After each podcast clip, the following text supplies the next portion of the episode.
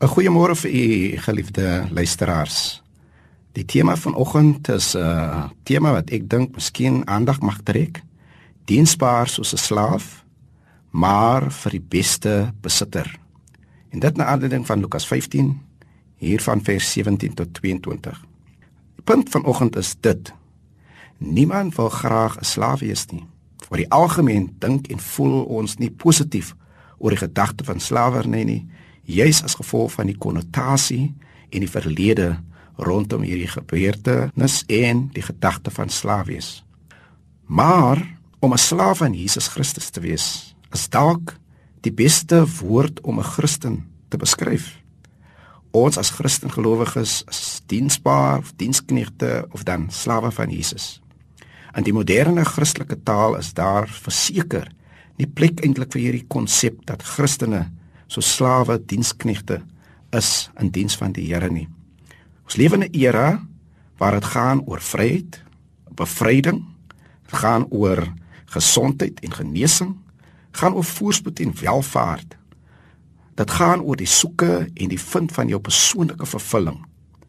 Dit gaan vandag oor die najag van jou persoonlike drome, die vervulling van jou doelwitte, die persoonlike bevrediging.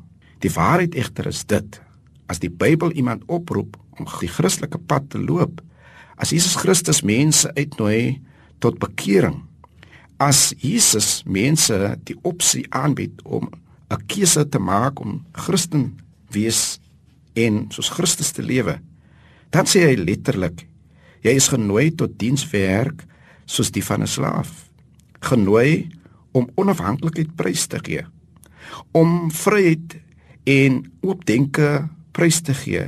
Is genooi om jou te onderwerp, jou tot volkomme diensbaarheid aan hom te wy.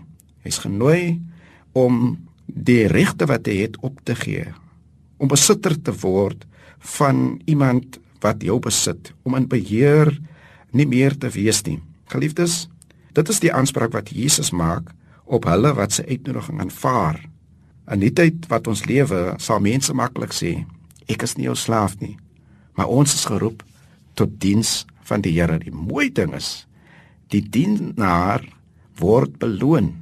Die verhaal van die verlore seun gee vir ons 'n goeie idee.